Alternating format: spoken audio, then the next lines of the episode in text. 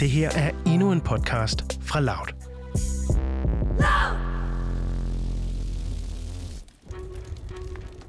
Stikflammerne står ud af hver en åbning i det her store toetagers hus.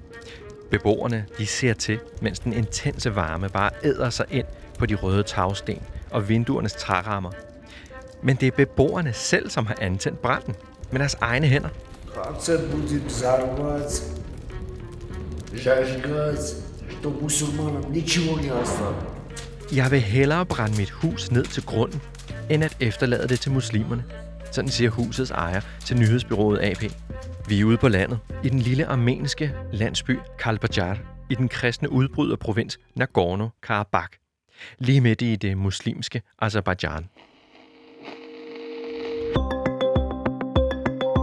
Hver fredag i Udsyn, der giver vi dig en opdatering på en historie, vi tidligere har bragt. For verden, den stopper jo ikke. Og du skal bestemt ikke snydes for den nyeste udvikling. Og siden sidst har parterne i den blodige krig i Nagorno-Karabakh sluttet en slags fred. Men kun en slags fred. For selvom kamphandlingerne er forbi, så raser flammerne stadig.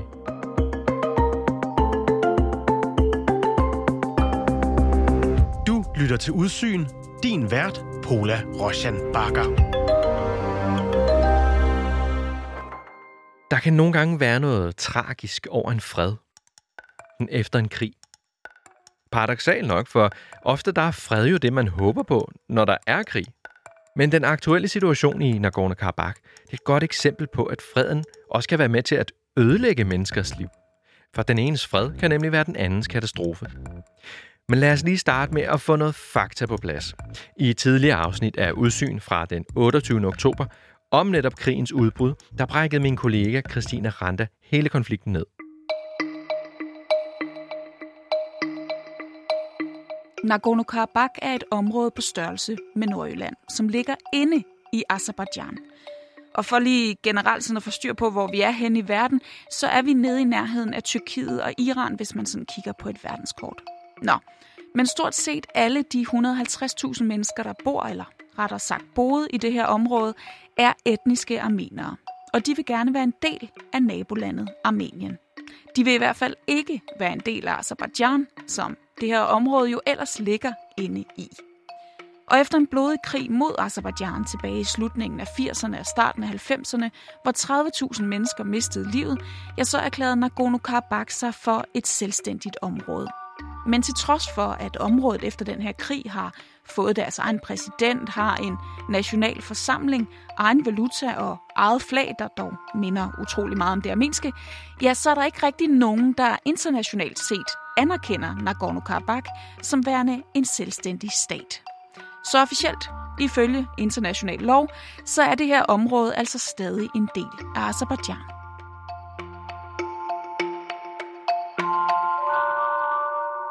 Og den nyeste udvikling, den er ganske enkelt, at Azerbaijan efter en seks ugers blodig krig har invaderet Nagorno-Karabakh og taget kontrollen med området med støtte fra broderlandet Tyrkiet.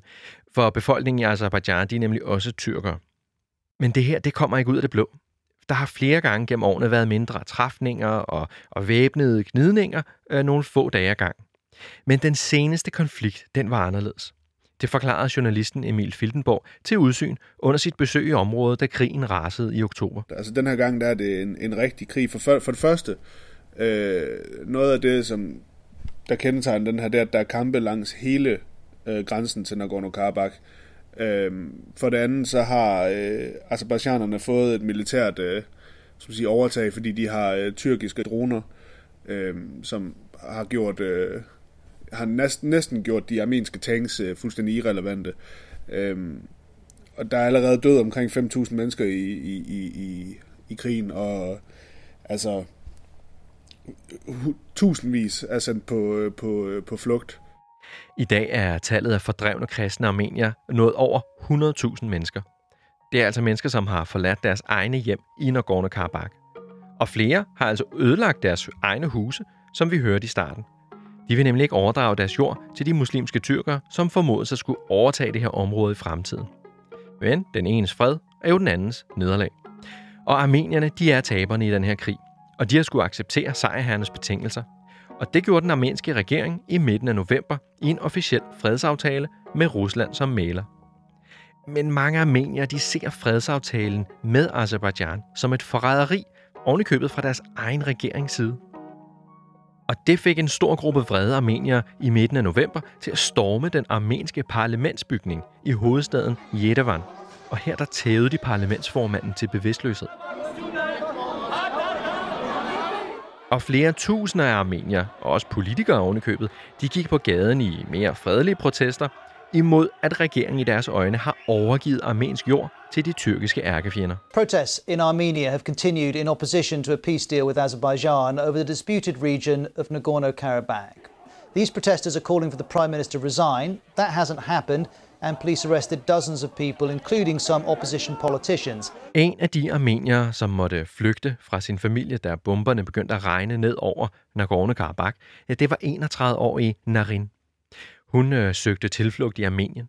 Narin har levet med truslen om krig hele sit liv. I wasn't shocked by the start of the war. Uh, I uh, always waited for some um, uh, for the eruption of the war anytime of my life. Da vi talte med Narin i midten af oktober, nogle få uger efter krigen startede, der var hun faktisk ikke pessimistisk, til trods for, at hun måtte flygte fra sit eget hjem i Nagorno-Karabakh. Hun troede ikke på, at det kunne ende med et armensk nederlag. I'm very optimistic because uh, I reject every uh, factor of losing. We just look uh, for and look at the win winning. Uh, in the fighting, in everything, there is something that you reject. We always reject our losing. That won't happen.